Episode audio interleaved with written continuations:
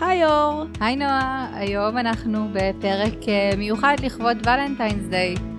אם uh, היה לנו פרק על, uh, על אהבה עצמית, היה לנו פרק על מערכות יחסים, ומצד שני היה לנו פרק על ספרי ילדים, הולך להיות לנו פרק על uh, מדע בדיוני ופנטזיה. היום אנחנו איפשהו באמצע של האמצע של האמצע, ואנחנו מדברות על רומנים רומנטיים. ייי! וכמובן על שמנות ורומנים רומנטיים. ולצורך כך, יש לנו איתנו את ענבר. ענבר, את רוצה להציג את עצמך?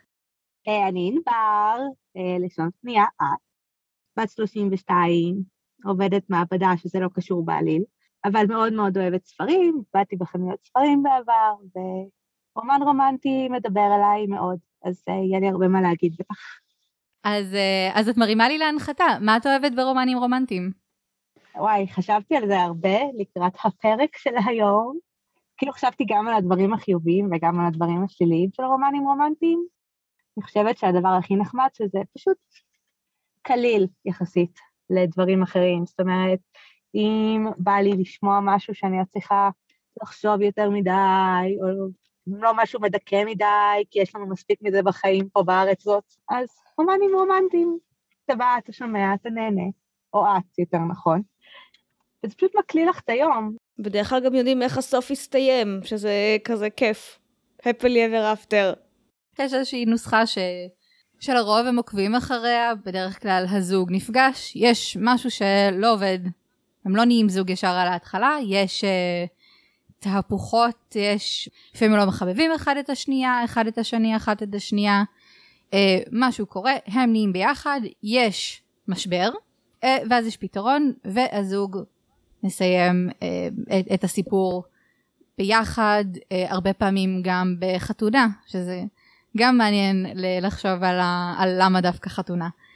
אז אה, אני מנסה, אני מנסה לחשוב, אני לא חושבת שיש המון רומנים רומנטיים עם דמויות שמנות. יצא לכם לקרוא רומנים רומנטיים עם דמויות שמנות? אני חושבת שכל הנושא של רומנים רומנטיים עם שמנות, אם, אם נגיד אנחנו מסתכלים על רומן רומנטי כאיזשהו ספר שאמור לסבוב סביב אהבה או קשר אה, רומנטי כלשהו, בדרך כלל יש עוד משהו, זאת אומרת, או שזה יהיה יותר פנטזיה, יש איזה משהו שהוא כאילו מין סאב ג'אנר של, אה, של הרומן הרומנטי, ואני חושבת שדווקא ברומנים רומנטיים של שמנות, זה ה sub-genre. יש רומן רומנטי, ואז ה sub-genre הוא והיא שמנה. גם, גם אם תסתכלו על שמות של רומנים רומנטיים על שמנות, אז זה כזה כל מיני שמות כאלה שהם עם, עם בדיחה כזאת על זה שהיא שמנה, או she's fat, או כאילו her space, או under her, או כל, כאילו שמות כאלה שהם מרמזים לעובדה שהיא שמנה, וזה כאילו כל ה, הסיפור. נראה לי שזה קצת מבאס ברומנים הרומנטיים האלה ספציפית, כי הייתי שמחה אם תהיה דמות שמנה, שכאילו קוראים לה דברים אחרים חוץ מזה שהיא שמנה. ב-day to day life שלנו אנחנו שמנות, אבל אנחנו גם חיות את החיים ככל בן אדם אחר. הייתי רוצה להיות בסיפור הזה של הגיבורה הרומנטית השמנה שהיא במקרה גם מכשפה. אני, איפה זה? איפה זה? באמת, איפה הסיפורים? אני נגיד חולה על, אה, על ספרים שהם אורבן פנטזי, שהם יותר כזה ערפדים, מכשפות, כל המסביב של העולם יותר פנטזיה, ואז יש גם דמות נשית מאוד חזקה, שבדרך כלל היא גם ברומן כלשהו. איפה השמנות? הן תמיד רזות, חטובות, הן גם בנות 25 תמיד, 24. כן, נכון. הן בגיל הממוצע של 20 ומשהו, וכאילו, אני רוצה דמות שמנה שהיא פשוט שמנה ריגרדלס לעלילה. זאת אומרת, יש עלילה רגילה של רומן רומנטי, או של אורבן פנטסי, שזה קצת דומה, והדמות שמנה, וזה לא מרכז הסיפור. אבל נראה לי שזה כאילו רוב מה שאנחנו מקבלים, שזו התחלה טובה, כן? אבל יש לאן להשתפר. אני חושבת שגם שווה לדבר על השאלה מה זה שמנה בספרים האלה. יש את הספרים האלה שהם מכוונים לכתוב אישה שמנה בגלל שחשוב להם שתהיה דמות שמנה חיובית אה, שגם עוברים עליה דברים. ויש את הז'אנר שלה היא צריכה להיות שמנה כי זה משהו שצריך לעבור עליה כי היא הבחורה ממול והיא פשוטה. הם גם יגידו כמה היא שוקלת ובגלל שאני אני אני אלך לעשות את ההמרה של פאונדים לקילוגרמים כדי להבין מה המשקל הזה בכלל אומר ואני אגלה שהיא שוקלת 75 קילוגרמים והיא לא סובלת את איך שהיא נראית. וכשאני קוראת את הדברים האלה, ברומנים הרומנטיים, גם אני, יש לי תקופות, וזה משהו שאני קוראת הרבה, גם אני ב urban fantasy וערפדים וכל הדברים האלה, אבל uh, כאילו באמת 75 קילו, סליחה שטריגר uh, מש, מספרים, כן? מה נסגר? זה שמן באיזה עולם? אז זה פשוט, זה דמות סיפורת, אז אני מרשה לעצמי, אני מודעת לעובדה שלכל האנשים יש עניינים עם המשקל ש, שלהם ועם המראה שלהם, וזה בסדר. אבל את שוקלת fucking 75 קילו, צאי מהתחושות הרעות ולכי תחגגי את עצמך, סבבה? ותעשי את זה גם ב-100 קילו וב-150 קילו, אבל מה נסגר? אז זה, זה בדיוק העניין. אמרת עכשיו ש, שזו דמות, זו דמות ספרותית, זו לא, זאת לא אישה אמיתית. מישהו יושב וכותב את הדברים האלה, מישהו יושב וחושב עם עצמו, בדרך כלל עם עצמה, אם אנחנו מדברות על, על רומנים רומנטיים.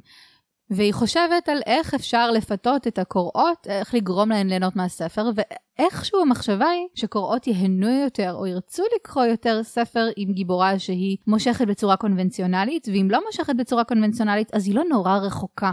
גם, גם כשהדמות היא שמנה, ושמנה ממש, היא תמיד מתוארת כמאוד יפה.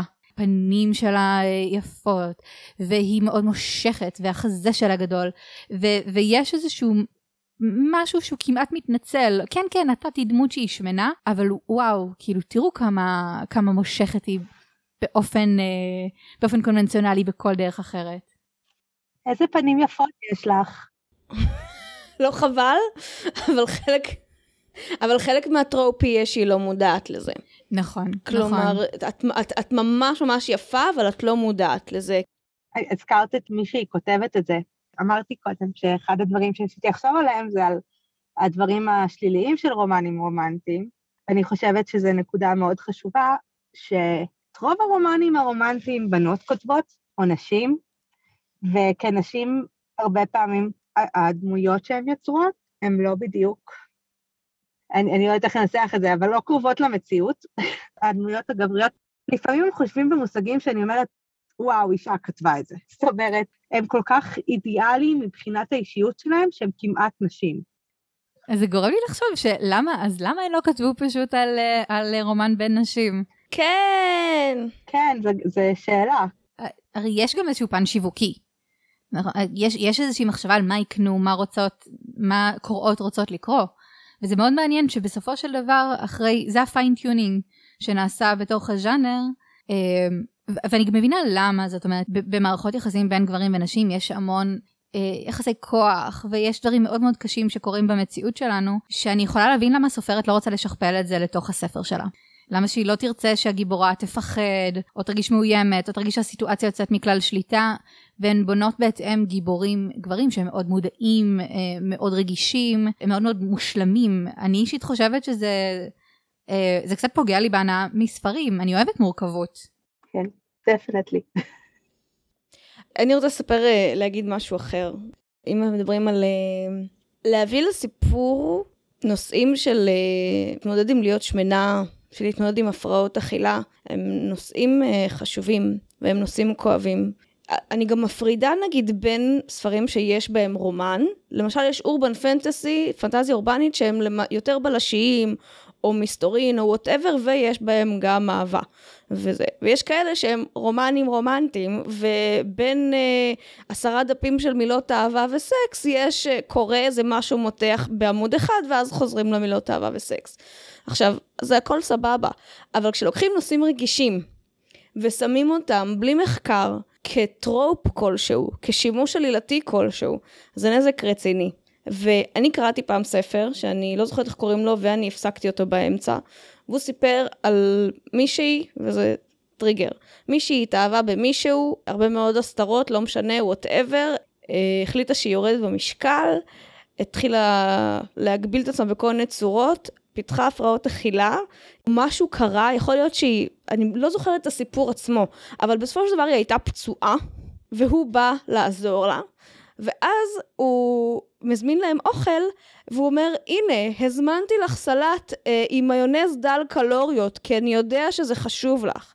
עכשיו, היא הת, התחילה לעשות אימונים באופן קשה, ופצעו אותה כי האקס שלה, ווטאבר, לא משנה מה הסיפור שם, אני באמת לא זוכרת. ואז היא פצועה, ואז חשוב לך סלט.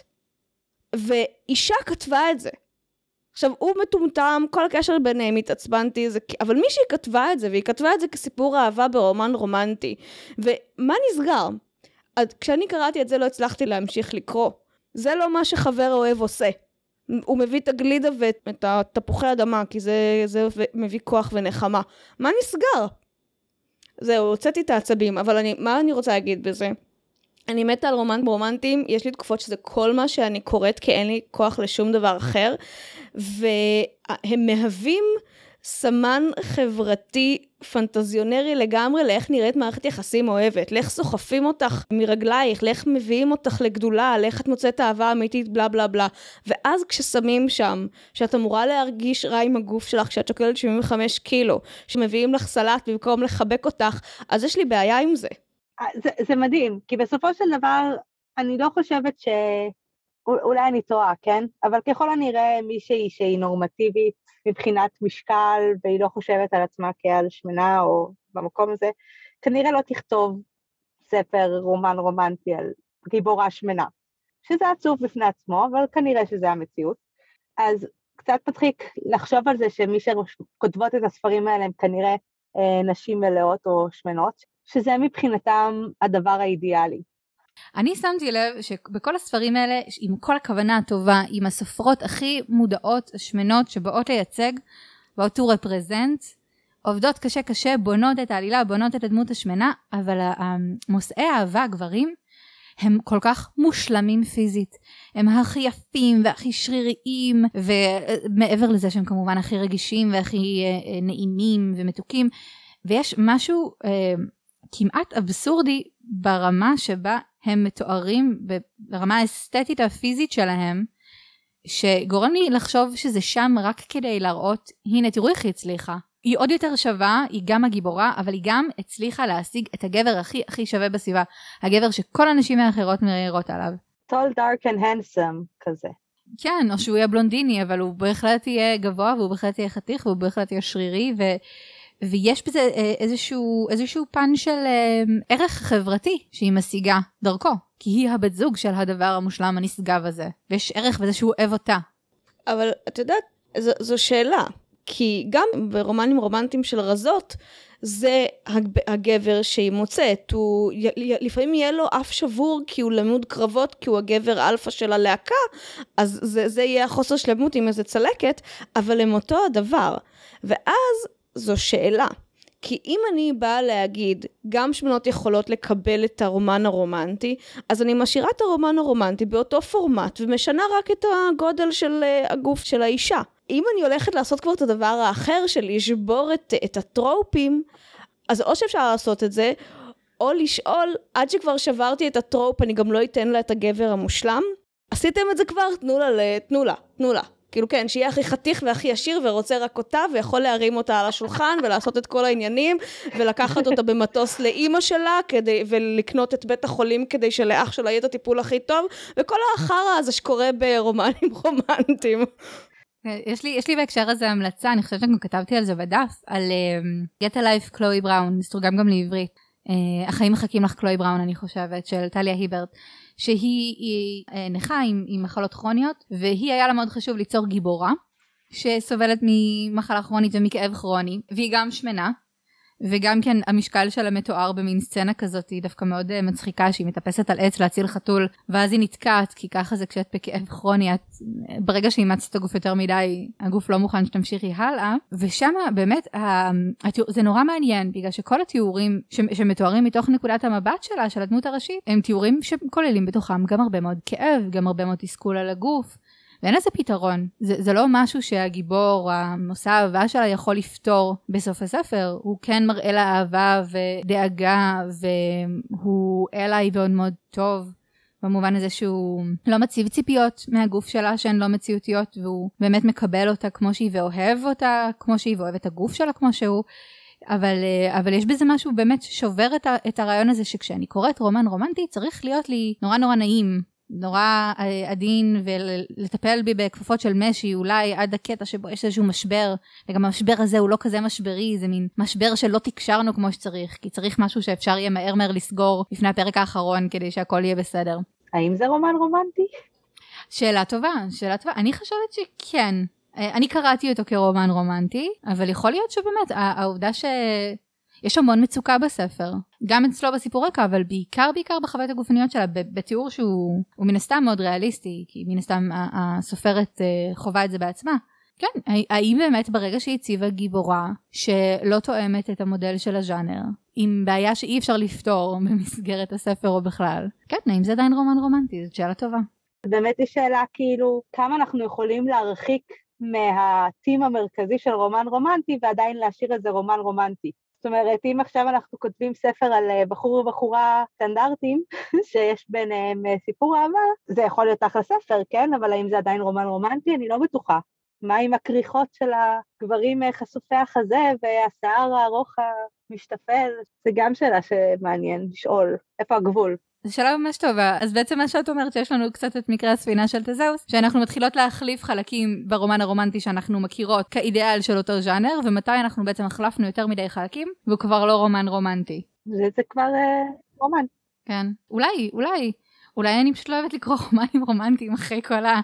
אולי זאת המסקנה. לא, אבל אני אגיד לך משהו, זה לא דבר רע. הרי כל מיני ז'אנרים ככה קרו. פנטזיה אורבנית, בין השאר, הייתה התנגדות לפנטזיה אפית, שלא היה שם כמעט מקום לנשים, ויש פנטזיות אפיות שבאו ומתוך הפנטזיה האפית שברו את המקום לנשים ועשו מורכבות. אפשר לקחת כל מיני אה, ז'אנרים ולשבור אותם בכל מיני צורות, וזה דבר נפלא, כי ככה יש דמויות שמנות ושחורות ונכות, וכל הדברים האלה עושים על ידי זה שאנשים רואים איך אין להם מקום ובאים ויוצרים אותו. אז אני בעד, אני בעד הספינה של תזהוס, כי או שזה ייצור לי את אותו הדבר אבל אחר באותו התחום, או שזה ייצור לי משהו חדש, שישבור את השוק, כי עד עכשיו חשבו שזה לא אפשרי והנה זה קרה. אבל לפעמים אני גם רוצה לראות אישה שמנה לוקחת את הגבר העשיר הנאה שבוחר אותה על פני האחרות ולוקח אותה לשקיעה ומביא לה גלידה בעיניים עצומות. יש מקום לכל הספינות בנמל שלנו, מה שנקרא. אבל אולי כאילו אם אנחנו כבר מכניסים דמויות שהן אה, מייצגות אה, מציאות שהיא יותר מורכבת, אולי קצת להקל עליהן? אם כבר שמנות, אז, אז שלא כל הזמן אה, היא תיתקל בשמנופוביה בכל מקום שהיא הולכת עליו, ושהיא לא כל הזמן תהיה טרודה בגוף שלה, ושהגיבור לא יצטרך להצדיק למה הוא נמשך אליה. כן, ש, שזה לא יהיה... למרות שגם אז לפעמים זה מעצבן. אני מצטערת, אני בן אדם מורכב. קראתי עכשיו ספר שהדמות הראשית, כאילו לא מתייחסים לזה שהיא שמנה, nobody, וזה גם, אה, יש בזה משהו קצת מרגיז. בכלל בכלל לא מדברים על זה שהיא שמנה? לפחות, אני מאוד בהתחלה, אבל כל הזמן מדברים על כמה היא סקסית. אני מבינה שהיא אמורה להיות שמנה לפי הכריכה בעיקר, או זה שהיא מדברת על איך היא לא עולה במדרגות, או על כמה היא אוהבת לאכול עוגות, כאילו. אנחנו מדברים על אה, טרופים של שמנות, אבל זה כאילו לא מדובר, כאילו מדברים על כמה הירכיים של הסקסיות, או יש לה פנים מאוד יפות כמובן, אמ, אבל זה לא ממש מדובר, וגם אין התייחסות לזה. כי מה היית רוצה שיהיה? את אומרת, אוקיי, מצד אחד, איזה כיף, כן? היא סקסית והיא חכמה ואינטליגנטית ומתייחסים לזה, וזה חשוב. אבל אף אחד לא רואה שהיא שמנה, כאילו, זה לא... זה גם לא חייב להיות ממש התייחסות מאוד קיצונית, בסדר? אני לא מצפה שהם ילכו ברחוב והחבר הכי טוב שלו יגיד לו, אל תצא איתה איכס. אבל איפשהו אזכור מעבר ל... אני לא עולה במדרגות ואני אוכלת מלא עוגות וזה בסדר. זה, זה קצת, אה, את לא שמנה, את יפה. כן, כן, כן. זה בדיוק זה. היא סקסית, היא לא שמנה. אני גם חושבת ש... מצד אחד אנחנו רוצות אסקפיזם ולראות אותנו מיוצגות בכל השמנזי פנסי, אהבה ממבט ראשון, כל זה. ומצד שני, חוויות העולם שלנו הן כאלה שבלי איזושהי התייחסות של התגברות או הסבר ללמה זה לא מפריע או איך נמשכים למרות, לא כהסבר, אלא כדי שנוכל אשכרה להתחבר, אוקיי, זה הצעדים שהיא עשתה. היא כן חוותה את השמנופוביה, אבל כך וכך היא מרגישה ואוהבת את עצמה ולכן זה מה שרואים וזה מה שהיא משדרת. כלומר, איזשהו משהו שהוא... שהפנטזיה היא לא רק אה, שמן ורזה זה אותו דבר בעולם הזה ולא מהירים, אלא הפנטזיה היא יש לי את הכלים כשזה כן קורה לעשות עם זה משהו. כן, באיזשהו מקום. תמיד כשאנחנו מגיעות ל, ל, לדיונים האלה של אה, עלילות וייצוג, תמיד אנחנו נורא, אנחנו כקהילה שמנה, תמיד אנחנו נורא מתפלפלות, זה טוב וזה לא טוב, אנחנו נורא מדקדקות, ואפילו יכול להיות שבגלל שזה קרוב אלינו אנחנו ביקורתיות אולי יתר על המידה, אבל זה תמיד גם גורם לי לחשוב שפשוט אין לנו מספיק ייצוגים. אין לנו מספיק עלילות, אנחנו נשארנו עם חופן של ספרים, חופן של סרטים, ואנחנו צריכות להסתדר עם זה. ומה נשאר לנו חוץ מלנסות לבנות בעצמנו את מה שהיינו רוצות ומפנטזות לקרוא? אלא אם אנחנו כותבות את זה ומוציאות את זה כספר. במקום לעבור הלאה ולקרוא ספר אחר ואולי שם יהיה את מה שאני מחפשת, אנחנו עושות את מה שיש לנו עם המגוון הקטן שלנו. באיזשהו מקום אני חושבת שאם כבר טרחנו להכליל דמות שהיא שמנה, אז כן יש חשיבות לזה שהיא שמנה מבחינת ההתייחסות אליה. אני כאילו חושבת בעולם אידיאלי, הייתי קוראת ספר ולא הייתי יודעת מה הדמות. היא שמנה, היא רזה, היא... יש לה שיער אה, חום ועיניים ירוקות, וזהו, לא, לא מעניין אותי משהו מעבר לזה. משהו שכאילו באיזשהו מקום כולן יכולות להסתרות איתו. אני חושבת שבגלל שהרוב המוחלט של הספרים הם מאוד קיצוניים לצד המאוד אה, רזה, גבוהה, מטר שמונים, כולם מסתכלים עליה בגובה העיניים וזה ממש מושך, אז כאילו באיזשהו מקום, ברגע שאנחנו מתייחסים לדמות שהיא מלאה, אז אוטומטית אנחנו מנסים לעשות שיפט לכיוון השני. אני חושבת שאולי יש מקום דווקא לה באמצע, מישהי שהיא פשוט מישהי, היא הרבה יותר מהמשקל שלה או איך שהיא נראית. בעולם אידיאלי זה מה שהייתי רוצה לראות בספרים, דמות שאני יכולה להתחבר אליה לא משנה איך אני נראית. מישהו, יאללה, להרים את הכפפה, לכתוב לי ספר עם אה, דמות ניטרלית. אז בואו בוא נדבר על זה, מה היינו רוצות לראות ב, בספרים, באידיאל שלנו, בהקשרים האלה? אני נורא רוצה ספרים על, על אנשים לא יפים. אני חושבת ש... שקצת מיציתי. אנשים מכל הנראויות אה, חווים אהבה ומשיכה ונסחפים מעל רגליהם בין אם זה פיזית או לא פיזית ואני חושבת שאין שום סיבה שאי אפשר יהיה לייצג את זה בספרות. נועה מה את היית רוצה לראות? מה הייתי רוצה לראות? פשוט הייתי רוצה שהספר יהיה כתוב טוב. שזה אומר שזה לא אני רוצה לכתוב דמות שמנה ולכן לא משנה כל שאר הדברים שקורים. כמו שאני לא אוהבת את הספרים שכל חמישה עמודים יש סקס שצריך להיות ככה וככה עמודים וזה על פי מספר מילים ומה קורה מסביב לא משנה, אני לא נהנית מספרים כאלה. אני רוצה סיפור, ואפילו עם הסיפור הזה, את יודעת, יש... אה, כנשים שמנות בעולם, יש דברים שיותר קשה לנו לעשות. אז בואו נעשה סיפור פנטזיה אפית שאחת הדמויות היא אישה שמנה ויותר קשה לה כשהם מטפסים על ההר. כאילו בואו נתייחס לגו, לגודל של הסבבה, אבל עדיין היא יכולה להיות קוסמת או לוחמת או גמדה או אשפית מים או ברדית שמזמרת זמירות, לא יודעת, אבל סיפור טוב. ואפשר שיהיו שם גם כמה אנשים שמנים, אני יודעת שזה גרנדיוזי להציע, אבל אולי כמה דמויות שמנות ושאף אחד מהם לא ימות בסוף. זה, זה גורם לי לחשוב, הרי המטרה של ספר טוב, בטח שהוא רומן רומנטי, המטרה היא לסחוף את הקוראת בצורה כזאת שהיא מדמיינת את עצמה בתוך הסיפור. ואני חושבת שיש משהו מאוד מנקר בלקרוא סיפור שבו הדמות הראשית היא כל כך רזה, והפיזיות שלה כל כך נוכחת, שכקוראת שמנה זה מרחיק אותך מהסיפור. בין אם זה פנטזיה והיא רצה ביער, או אה, נלחמת בדרקונים, או בין אם היא עכשיו יוצאת לדייט, או, או אם הם, אה, לא יודעת מה, מתנשקים והוא... אה, מעביר את היד שלו על הבטן השטוחה שלה. אלה דברים שהם מקשים על מישהי שרוצה לדמיין את עצמה בתוך הסיטואציה, לדמיין את עצמה כמו שהיא עכשיו, ולא לפנטז שהיא הייתה נראית כמו הדמות הראשית. מזכיר לי שוב, זה קצת יוצא מהנושא, אבל uh, אתם ראיתם את הסדרה בנטפליקס, מניפסט? יש איזה, יש איזה פרק שיש שתי דמויות, שאחת מהן היא דמות ראשית ואחת היא כזה דמות משנה שקשורה ספציפית לפרק והיא שמנה.